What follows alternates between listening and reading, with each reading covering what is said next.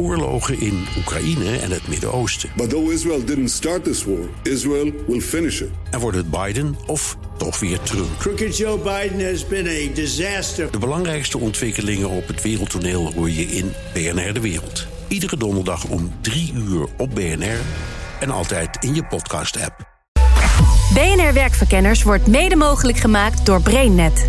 BrainNet voor zorgeloos en professioneel personeel inhuren. Nieuwsradio. BNR Werkverkenners. Rens de Jong. Vieze treinen, omdat schoonmakers niet aan het werk zijn. Uh, je moet je kinderen meenemen naar het werk omdat de school dicht is. Of je krokusvakantie valt in duigen omdat de piloten het werk neerleggen. Tja, we hebben allemaal wel eens last van een staking. Maar de wereld achter de stakingen is redelijk mysterieus. Hoe bepalen bijvoorbeeld werkgevers en vakbonden dat ze er echt niet meer uit gaan komen? Wanneer is het perfecte moment om een staking aan te kondigen? Kwesties die langskomen in deze aflevering van Werkverkenners. Maar we beginnen met de vraag: waarom staken we eigenlijk zo weinig in Nederland? Nou ja, je zou er twee dingen van kunnen denken. Maar, maar, ik ga voor de keuze dat we gewoon een heel vredelievend, braaf volk zijn. Dat heel snel ook het belang van de wederpartij inziet. En dus ook niet heel erg de behoefte heeft om zich heel radicaal te uiten. BNR Werkverkenners. Rens de Jong. Mijn naam is Evert Verhulp. Ik ben hoogleraar arbeidsrecht aan de Universiteit van Amsterdam. Uh, en ook dus gespecialiseerd in staken? Of heeft staken, elke hoogleraar arbeidsrecht dat sowieso in het pakket zitten? Dat hoort een beetje in het standaardpakket. Ja. Staken is echt onderdeel van het arbeidsrecht. Maar dat dat staken echt een recht werd, dat ging helemaal niet zo simpel. Er is heel lang gesproken in Nederland over een stakingswet die er zou moeten komen. Um, maar daar was allemaal heibel over, dus die bleef vastzitten. En vervolgens is in de jaren 80, begin jaren 80, is stevig gestaakt in Nederland. En er was nog steeds geen regeling voor. En toen heeft de Hoge Raad een soort juridische truc uitgehaald door um, een verdrag uit de kast te trekken, het Europees Sociaal Handvest waarin onder andere staat dat het recht op collectief onderhandelen, inclusief het stakingsrecht, wordt uh, erkend. Nederland had het verdrag toen ook net geratificeerd, getekend. En toen overwoog de Hoge Raad dat op grond van dat verdrag er een stakingsrecht is. En dat is ook nou, volgens dat verdrag ook alweer te beperken. Maar sindsdien hebben we dus een soort stakingswet in Nederland. Ah, maar het is eigenlijk niet eens een wet. Het is, het is geen we wet die hebben door een Europees verdrag getekend Ja. en de Hoge Raad zegt. Ik, ik nou, ben basis te onaardig, maar je- eigenlijk is min of meer... De Hoge Raad is echt op zoek gegaan naar een norm. hè, Waar, waar vinden we die nu? En vond toen dat verdrag.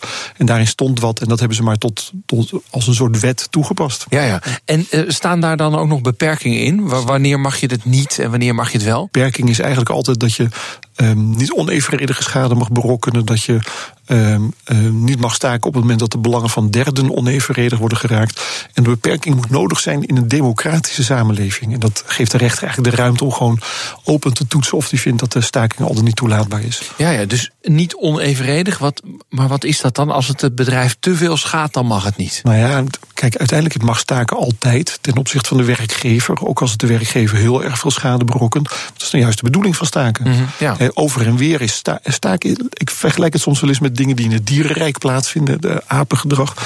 En staken is natuurlijk toch elkaar klappen geven. En dat is ook de bedoeling. hè. De, de werkgever moet schade lijden. De werknemers daarentegen krijgen geen salaris. En op die manier vindt er een soort evenwicht plaats. waarbij er echt gevochten wordt. Ja. Maar wel op basis van, van een soort gelijk, gelijk economische macht. Je wordt niet doorbetaald. Als uitgangspunt word je niet doorbetaald. En ik zeg dat zo nadrukkelijk met als uitgangspunt. hè. Juridisch is het zo dat als je staakt, dat je dan niet werkt. Als je niet werkt, heb je ook geen recht op loon. Eh, maar feitelijk betalen werkgevers heel vaak wel door. Want het is natuurlijk heel erg ingewikkeld om één dag uit de salarisadministratie te halen. En dat alleen maar voor de werknemers die dan hebben gestaakt. Ah, Dus het is. Werknemers rekenen er vaak op dat ze toch wel krijgen doorbetaald. Nou wordt er in Nederland ook nooit zo vaak zo structureel gestaakt. Hè. Dus het, het- vaak is een staking toch een uurtje het werk neerleggen. Nou, de werkgever die één uur salaris niet gaat uitbetalen, heeft administratief meer kosten dan dat uur salaris dat hij terugverdient. en mocht je dus willen staken, wees gerust. Je mag er niet om ontslagen worden. Het is wel enkele keer gebeurd hè, dat een vrachtwagenchauffeur werd ontslagen omdat hij mee had gedaan aan een staking. Daar zijn rechters niet mild over. Want als je een stakingsrecht hebt, moet je het natuurlijk ook kunnen uitoefenen. Oké, je hebt dus stakingsrecht. Maar werkgevers staan natuurlijk niet erom te springen dat je dat ook gaat gebruiken. En dus sturen ze mensen naar de onderhandelingstafels om eruit te komen met de vakbonden. En zo dus een staking te voorkomen. En jarenlang was Hans een van die mensen. Nou ja, ik ben dus Hans van der Steen. Ik ben geboren en getogen, zou je kunnen zeggen, in het land van arbeidsverhoudingen. Toen ik vorig jaar zomer met pensioen ging, had ik eh, er 36 jaar op zitten bij AWVN. 20 jaar als uh, adviseur en de laatste 15 jaar als, uh, ja, een beetje als beleidsmaker, zou je kunnen zeggen. Ja, en de AWVN onderhandelt vaak voor de werkgevers over de cao's, toch? Ja, is een werkgeversclub. Hè. Bedrijven en branches zijn daar lid van. En een van onze belangrijke activiteiten is dat we die bedrijven helpen bij die lastige klusjes met die bonden. Ja. En zo zijn we met elkaar betrokken geweest bij ruim 500 cao's in het land. En die cao-onderhandelingen, dat is het moment om te staken, zegt Evert Verhulp. Hij is hoogleraar arbeidsrecht aan de UvA. Dus op het moment dat cao-onderhandelingen gaande zijn, Um, heeft het zin om te staken omdat je dan de onderhandelingen een beetje onder druk zet. Op het moment dat de CEO is afgesloten en de lonen weer een jaar vast liggen, ja, kun je wel staken, maar niemand zal bereid zijn om opnieuw te gaan onderhandelen. Mm.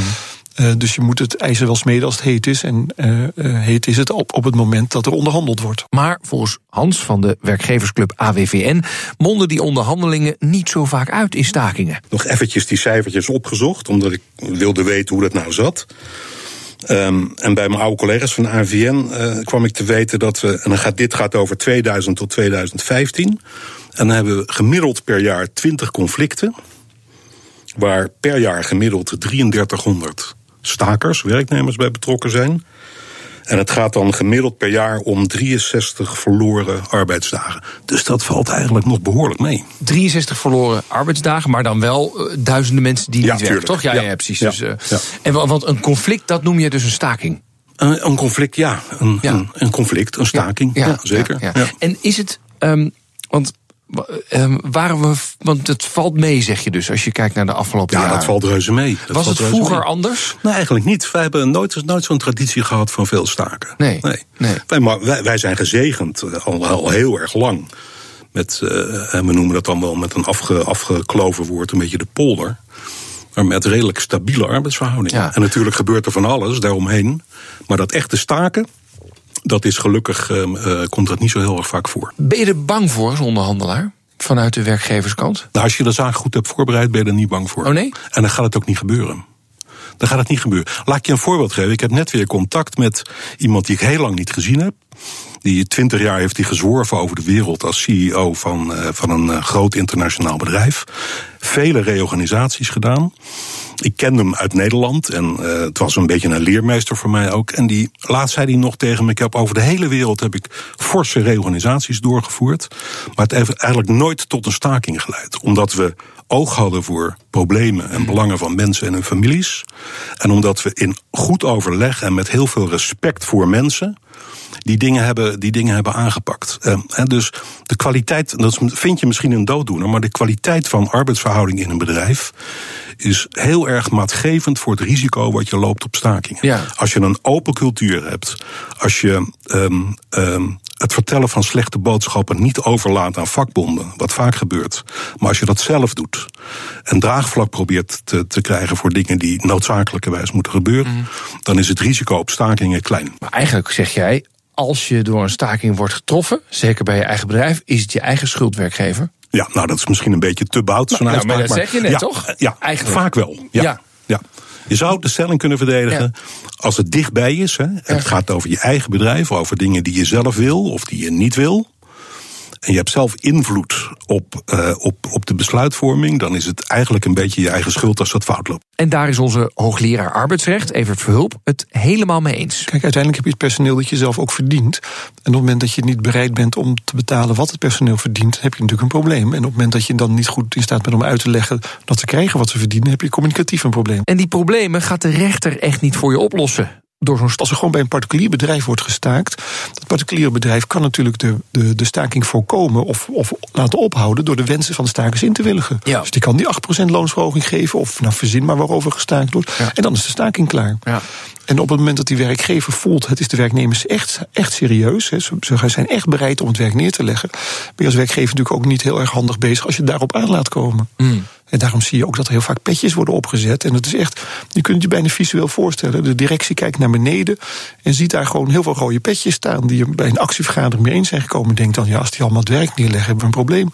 Dus laten we maar een beetje bewegen in de richting van de vakbonden. Ja, ja. Nou, dat is, het is voor een deel is staken natuurlijk gewoon onderdeel van het spel, van de, de show, van het, van het laten zien hoe sterk je bent. Maar vooral niet die, die klappen uitdelen. Want op het moment dat je je werkgever echt klappen uitdeelt, loop je het risico dat die omvalt. En dat wil je niet. Dan ben je je baan kwijt. En ook een werkgever zelf wil niet failliet gaan. En dus slaan ze aan het rekenen of ze zo'n staking zich wel kunnen veroorloven. Volgens Hans van der Steen van werkgeversorganisatie AWVN. Ja, natuurlijk wordt die afweging gemaakt. Hè. Stakingsgevoelige bedrijven als KLM of NS, om er maar eens een paar te noemen. Die hebben natuurlijk relatief veel meer dan anderen te maken met die stakingsdreiging. En die maken dus veel beter en veel vaker dan anderen ook die afweging. Omdat dat zoveel geld kost. Dus die proberen ten koste van alles dat te voorkomen. En dat doen ze in hoge mate door door uh, blijvend te investeren in uh, goede arbeidsverhoudingen met je eigen personeel, maar ook met de vakbonden waar je zaken mee doet. Ja. En natuurlijk kan het fout lopen. Ja, en soms is de ratio een beetje zoek ook. Hè. Als je echt een conflict hebt, dan, uh, ja, dan kwaai je koppen tegenover elkaar. En toch hoeft het niet zo ver te komen. En heel vaak kun je dat, als je er achteraf naar terugkijkt, kun je dat terugvoeren tot een, een gebrek aan communicatie van jouzelf met jouw eigen werknemers. Ik geef je een voorbeeld. Um, jij wilt, of wij willen als leiding van een bedrijf, wij willen meer flexibiliteit in roosters hebben. Of wij willen iets wat uh, um, uh, potentieel niet leuk is voor werknemers. Als het goed is, ben je daar voortdurend over in communicatie als leiding van een bedrijf met je eigen werknemers. En als zo'n proces een tijdje op gang is, dan ga je het met bonden bespreken en dan ga je daar wel of niet een CEO-afspraak over maken. Als je die eerste stap, dat zoeken naar draagvlak in je eigen bedrijf, overslaat, dan maak je een goede kans uh, dat, je, dat, je, dat, je, dat je ruzie krijgt met die bonden. Mm -hmm. En dat is ook logisch. Want dan, dan heb je onvoldoende draagvlak. En dan, je zou kunnen zeggen, en dat is ook mijn conclusie, dat als er zich stakingen voordoen in individuele bedrijven, achteraf terugkijkend uh, kun je bijna altijd zeggen dat je als leiding van een bedrijf iets fout hebt gedaan. Ja. Namelijk niet uh, op tijd en voldoende op zoek naar draagvlak voor dingen die jij belangrijk vindt. En mocht je dus bij zo'n werkgever werken die dat niet op tijd doet, dan komt het toch misschien een keer tot een staking. Wat daar het perfecte moment voor is, dat hoor je zo meteen. BNR Nieuwsradio. BNR Werkverkenners. Deze aflevering hebben we het over staken. En je denkt misschien, staken, is dat nog van deze tijd? Hoogleraar arbeidsrecht aan de UvA, Evert Verhulp, vindt staken eigenlijk best modern. Het klinkt een beetje ouderwets, maar ja. ja, het is natuurlijk wel modern. Modern is ook dat ze in Italië pas een virtuele staking hadden. Een computerbedrijf dat games bouwde. Daarvoor gingen de werknemers staken door ook in de games stakende mannetjes in te bouwen. De, nou, dus, dus je ziet dat staken heel modern kan uh, vorm worden gegeven. Maar het, klinkt, het, klinkt wel een beetje ouderwets. Van wij leggen ja, de arbeiders... Kijk, uh, leggen nu het werk neder. Ja. Zodat Nou we, uh, dat wij, wij pikken het niet langer dat wij uitgeknepen worden door de werkgever. Nou ja, kijk, uit onderzoeken blijkt wel dat op het moment dat werknemers goed vertegenwoordigd worden door vakbonden, dat de salarissen hoger zijn. Mhm. Mm -hmm. Een van de redenen dat de, de, de, de, de, het, het besteedbaar inkomen van de werknemers in Nederland zo is gedaald, blijkt uit onderzoeken gewoon, is de flexibilisering en het afnemend vakbondslidmaatschap. Ja, is dat... Dus het, het staken op zich is een methode die de positie van de werknemer wel degelijk verbetert. Aan de andere kant merk je natuurlijk ook dat heel veel werknemers steeds individueler worden en individualistischer optreden, ook vinden dat hun eigen prestatie niet mag worden gemeten aan die van de collega. En dus zie je dat collectieve belangenbehartiging lastiger wordt. En dat is sowieso best lastig, want ook vakbonden zitten er niet op te wachten dat er een staking komt, zegt oud-AWVN'er Hans van der Steen. Mijn ervaring is dat vakbond eigenlijk nooit zit te wachten op armpje drukken. Maar misschien soms, heel soms wel. Maar het aangaan en, en goed afronden van een staking is voor een vakbond ook een heel ding. En dat Waarom? doen ze niet graag, Waarom? omdat je afbreukrisico loopt. Waarom loop je Omdat afbreukrisico? je uh, tot de conclusie kunt komen dat het ver loopt, zo'n staking. Omdat je tot de conclusie kunt komen dat uh, die werkgever waar je tegen staakt, dat hij er beter dan jij in slaagt om uh, de gelederen te sluiten met zijn eigen werknemers. Dus er zitten altijd risico's. Er zit een risico aan voor een vakbond om een tuurlijk, staking te starten. Tuurlijk, tuurlijk. En daarom is er zelfs een vakbond die in 2015 zei: wij staken niet meer. Ik ben Reinier Kastelein, voorzitter van vakbond de Unie. Ja, wij hebben heel duidelijk onderzocht hè, dat op het moment dat er grote stakingen zijn, eh, dat onze leden, eh, de leden van de Unie, daar eh, toch gewoon minder mee geassocieerd willen worden. En dus dan ook gewoon hun lidmaatschap opzeggen, omdat ze denken dat de bonden daar allemaal bij betrokken zijn. En wat leden zich niet altijd realiseren, is dat de Unie niet bij elke CO betrokken is. Net zo goed als dat FNV of CNV ook niet bij elke CO betrokken zijn. Dus dan is er onrust. En dan denk aan de schoonmaakstaking. Ga je als lid van de Unie naar je werk. Dan kom je op uh, vervuilde stations, dan kom je op vervuilde kantoren. En uh, vervolgens denk je, joh, daar heb ik helemaal geen zin in. En ik ben nog lid van die bond ook, ik zeg even op. En uh, ook al hadden we daar dan niets mee te maken, dan op het moment dat leden al besloten hebben om op te zeggen, dan zijn ze die emotionele stap van, joh, moet ik het wel of niet doen, zijn ze al voorbij. Je houdt ze dan niet meer binnen.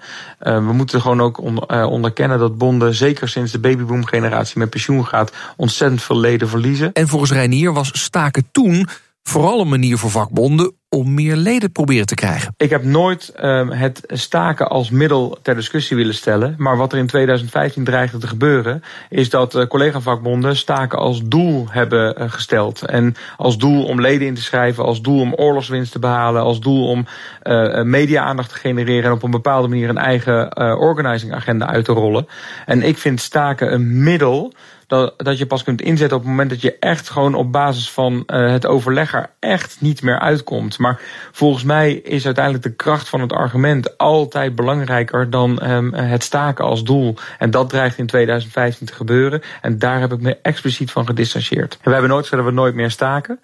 Um, de uh, uitspraak die ik gedaan heb was een reactie op toenmalig voorzitter van de FNV, Ton Heerts. Die aankondigde dat 2015 het jaar van de straat zou worden. En dat de keien uit de straat zouden worden getrokken. En uh, hij, hij is toen ook een, een kei gaan aanbieden in de Malitoren uh, aan de werkgevers. En um, uh, ja, ik heb gewoon onderzocht dat ik ontzettend veel leden verlies als er grote landelijke stakingen zijn. En ik wilde heel duidelijk uh, maken dat mijn leden zich geen zorgen hoeven te maken over het feit dat wij voor niets gaan staken, omdat wij niet zo'n zo'n zo'n wilde stakingsagenda hadden als onze collega's. En die boodschap past ook beter bij zijleden. Veel leden van de Unie zitten natuurlijk in het middelbaar en hoger personeel.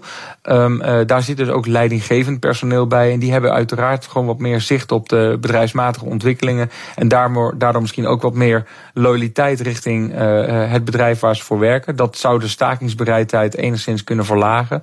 Um, anderzijds is juist onze doelgroep, hè, we zijn de grootste in de financiële sector. Onze doelgroep middelbaar en hoger personeel is de groep waar de hardste klappen vallen de afgelopen jaren. Bij een Rabobank 15.000 mensen weg. Bij ABN AMRO duizenden mensen weg. Ja, ik, uh, ik zie het gros van mijn achterban en ook mijn leden... Uh, ja, gewoon, uh, eigenlijk gewoon bedreigd worden met ontslag. Um, dus het zou ook wel eens kunnen zijn dat die een andere agenda hebben... dan alleen maar staken over meer loon. Die hebben het misschien veel meer over het behoud van hun werk. Maar of hogere opgeleiden inderdaad minder staken... Dat betwijfelt hoogleraar arbeidsrecht Evert Verhulp. Mm, dat is deels perceptie. En ik vraag, ik vraag me dus af of het klopt. Um, kijk, wat er heel vaak gebeurt is dat stakingen met name worden uh, georganiseerd door vakbonden in, in publieksgevoelige sectoren. Hè, dus het vervoer, heel zichtbaar. Uh, schoonmaak was ook heel zichtbaar. Uh, maar er worden natuurlijk ook relatief vaak acties georganiseerd, bijvoorbeeld over sociaal plannen. Mm -hmm. En een sociaal plan betreft over het algemeen ook al het personeel van een bedrijf, dus ook kantoorpersoneel. En dat staakt dan ook wel mee. Ja. Het is wel onderdeel van wat een vakbond doet en organiseert. Nou, we hebben het vooral tot nu toe over stakingen tegen bedrijven. Maar er is nog een soort. Wat in Nederland vrij veel gebeurt, is dat er ook wordt gestaakt, direct of indirect ten opzichte van de overheid. De leraren doen dat bijvoorbeeld, die bestaken hun werkgever niet zozeer. Want die leraren zien ook wel in dat die werkgevers ook gewoon onvoldoende financiële middelen hebben om hun wensen in te willigen. En dus wordt wel een werkgever bestaakt, maar de staking, staking richt zich eigenlijk ten opzichte ja. tegenover de overheid en die meer geld ter beschikking En dat stellen. is omdat er. Uh, omdat er misschien nu een wat opgaandere economie is. En dat Tuurlijk. we met elkaar denken: hey, er is Ja. weer geld, dat moet naar Ja. ons toe. Ja. Ja, maar goed, en dat, dat zie je in de gezondheidszorg, dat zie je in alle semi-publieke en publieke eh, sectoren. Zie je de, de gedachte dat er nu weer wat te halen valt bij de overheid. En, en, en bij wie, wie zwicht eerder? Het bedrijfsleven, dus de CEO, of laten we zeggen de overheid? Dat kun je denk ik niet zo zeggen. Het gaat, bij de overheid gaat het over echt politieke keuzes en, en sympathie van staken. Nou, Ehm, ik denk dat iedereen wel doorheeft dat leraren heel hard moeten werken tegen een relatief laag salaris. Dus dat er wat extra salaris bij komt, vindt iedereen begrijpelijk. En als dat dan gebeurt, dan zul je zien dat de politieke wil om dat te doen uh, er ook wel is. Ja. In de gezondheidszorg zien ze altijd verschijnsel. Er wordt uh, door heel veel mensen helemaal niet zoveel verdiend in de gezondheidszorg en zorg in het algemeen. Als daar dan gestaakt wordt, dan heeft dat een zekere sympathie. En op het moment dat iets een zekere sympathie heeft, zal de overheid ook graag bereid zijn om dat een beetje te steunen. Want die sympathie zijn tenslotte weer kiezers. Ja, ja, ja, ja. Als je het hebt over de effectiviteit van een staking. Vaak zie je een soort opbouw. Hè? Eerst proberen we alleen de werkgever te treffen. En op een gegeven moment zeggen we: gaan we, gaan we het escaleren, gaan we het publiek ook treffen. Ja. Nou ja. Is er een soort balans? Te, want op een gegeven moment denkt het publiek ook: ja, nou heb ik het zat. Klopt. Hè, als Dan- ik twee dan- dagen lang niet meer met mijn trein kan, ja, het interesseert me allemaal niks. Maar ga alsjeblieft weer een keertje aan het werk. Het, gra- het grappige is dat je ziet dat onderdeel van het staken natuurlijk ook is het, het publieke be- beïnvloeden. Hè. Ehm, daarom hebben we de bonden ooit eh, het gratis openbaar vervoeractie uitgevonden. Dat betekent dus dat er geen kaartjes meer gecontroleerd worden. Dus de treinen en bussen rijden gewoon. Je mag gewoon als passagier mee. Dus het publiek leidt er niet onder. Maar de werkgever heeft geen inkomsten meer. Als consequentie heeft het personeel waarschijnlijk ook geen loon. Hè? Want dat mag. Ik bedoel, ze doen zo weinig van hun werk. Namelijk een van de belangrijkste taken laten ze liggen. Dat ze waarschijnlijk ook hun loonaanspraak kwijtraken. Want dus heeft de werkgever geen inkomen meer. En de klanten zijn blij. Ja. Dus de publieke opinie is eigenlijk dan voor staken. Want die vinden die staking helemaal geen probleem. Werkgevers hebben er echt last van. En Ja. werknemers hebben er ook last van. Ja. En op die manier wordt een derde partij eigenlijk uitgeschakeld als, als beïnvloedings... als, als machtsfactor. Als dus daar wordt goed over nagedacht. Van hoe Zeker. gaan we deze staking vormgeven? Tuurlijk. Zodat die publieke opinie niet Nee, tegenkrijgt. als je de publieke opinie tegen hebt, heb je een lastige staking. Ja. En dat gebeurt wel een enkele keer. En soms kan het ook. Hè. Bij, bij particuliere bedrijven doet de publieke opinie er vaak minder toe. Want of je nou wel of niet een bepaald product kan krijgen, is over het algemeen niet zo'n zo'n onderwerp van discussie in de samenleving. Maar zeker als het openbaar vervoer lam ligt of als de gezondheidszorg niet goed functioneert, ja, dan moet je de publieke opinie wel mee hebben. En iemand die geswitcht is van opinie over staken, is de Unievoorman Reinier Kastelein. Nou, nog steeds zijn we natuurlijk heel kritisch over eh, wanneer je wel of niet moet gaan staken. Maar eh, we hebben eh, recent nog meegedaan aan de staking bij Holland Casino. Omdat dat daar ook gewoon echt nodig was. En dat heeft ook gewoon echt effect gehad. We hebben daar uiteindelijk gewoon een goed akkoord kunnen sluiten eh, met eh, de directie van Holland Casino. Nadat overigens gewoon ook een, een externe partij als mediator heeft, heeft opgetreden. Dus je ziet soms dat de werkgevers ook al echt gewoon weer bij de les getrokken krijgen door een goede staking. Zelfs de man die dus bekend staat als de afschaffer van het staken, is dus om. Maar ik ben zelf nog niet helemaal overtuigd. En daar probeert hoogleraar arbeidsrecht Evert Verhulp iets aan te doen. Als ik nou bij BNR nog in vaste dienst zou zijn... en we zijn het niet eens over het salaris... ik kan me, nee, ik kan me gewoon geen situatie bedenken... dat ik dan ga zeggen... jongens, wij gaan het werk neerleggen. Dat, dat, dan voel ik me zo... Nou, op het moment dat er bijvoorbeeld heel veel gedwongen ontslagen plaatsvinden, omdat er, nou, verzin maar iets, allerhande programma's worden geschrapt waar, waarvan je inhoudelijk vindt dat dat een onjuiste keuze is, Ja, zou je dan niet staken? En waarom niet? Ik kan mij voorstellen dat ik staak. En dat zou niet zozeer gaan over mijn eigen arbeidsvoorwaarden. Dus het gaat niet zozeer Nee, over geld, over werkinhoud, Ja, ja, ja. beleid. Ja hoor. Ja? Ja. Nee, omdat je dan. Misschien is dat omdat dit een commercieel bedrijf is. Je schaadt het bedrijf ook meteen zo. Maar Als wij een dag dat- niet uitzenden, kunnen we een dag krijgen geen adverteersinkomsten binnen. En dan maar denk is je dan ook ja, een reden voor de werkgever om te denken... misschien hebben ze wel een punt en laten we eens even heel goed luisteren... en kijken of we echt vinden dat we gelijk Ja, hebben. kortom, je moet het En- nooit- en- je moet en het wat nooit je zegt niet- is, is heel interessant. hè, Namelijk dat als ik in vaste dienst zou zijn... maar dat ben je dus kennelijk Nee, niet... nee. En, en als ZZP'er staak is natuurlijk een stuk lastiger. Maar het kan ook heel efficiënt zijn hoor. Ja? Ja, dat gebeurt natuurlijk ook wel. Er zijn wel stakingen geweest van ZZP'ers. En soms leidt het ook wel ergens toe. Ja, Eh, om, eh, omdat je opeens laat zien: hé, hey, ik ben niet zo vervangbaar als jij denkt dat je dat Precies. ik ben. Het is niet zo dat er voor mij duizend anderen zijn. En het is ook niet zo dat je mij dus een hongerloontje kunt geven... of een honger, eh, honorarium eh, met de gedachte dat, eh, dat, het- dat je daar zomaar mee wegkomt. Nee. En ik, ik denk zelfs dat als jullie wat meer zouden staken... dat de arbeidsvoorwaarden een stuk beter zouden zijn. Dus kijk, in, zeker in de groep van journalisten... en mensen in de culturele sector... Nou, vind ik dat er wel weinig wordt gestaakt. Denk je dat we meer moeten staken? Misschien eh, jij en in jouw sector, ja. Als jij zegt, ja, je, je zou wel eens wat meer kunnen staken. eh, en zeker in misschien de journalistiek of in de culturele sector, waar de uurlonen niet al te hoog zijn. Maar ja, als ZZP'ers staken, dan word je daarna toch niet meer ingehuurd.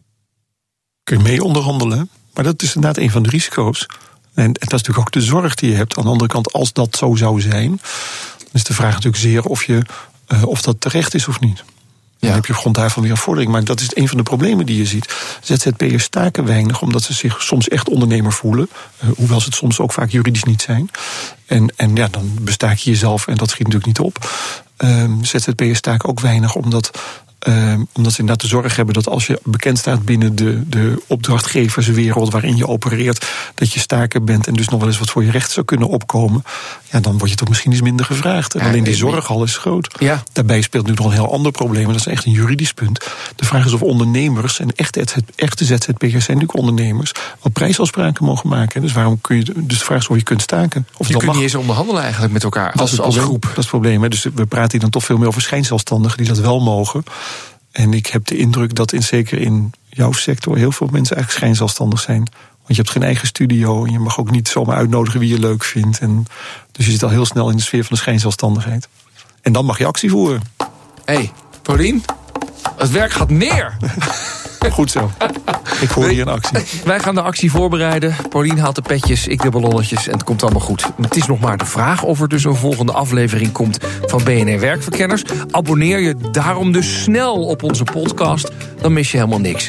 Je kunt ons vinden in iTunes, op Spotify, in de BNR-app en op onze LinkedIn-pagina. Tot de volgende. Dag. BNR Werkverkenners wordt mede mogelijk gemaakt door BrainNet. BrainNet voor zorgeloos en professioneel personeel inhuren.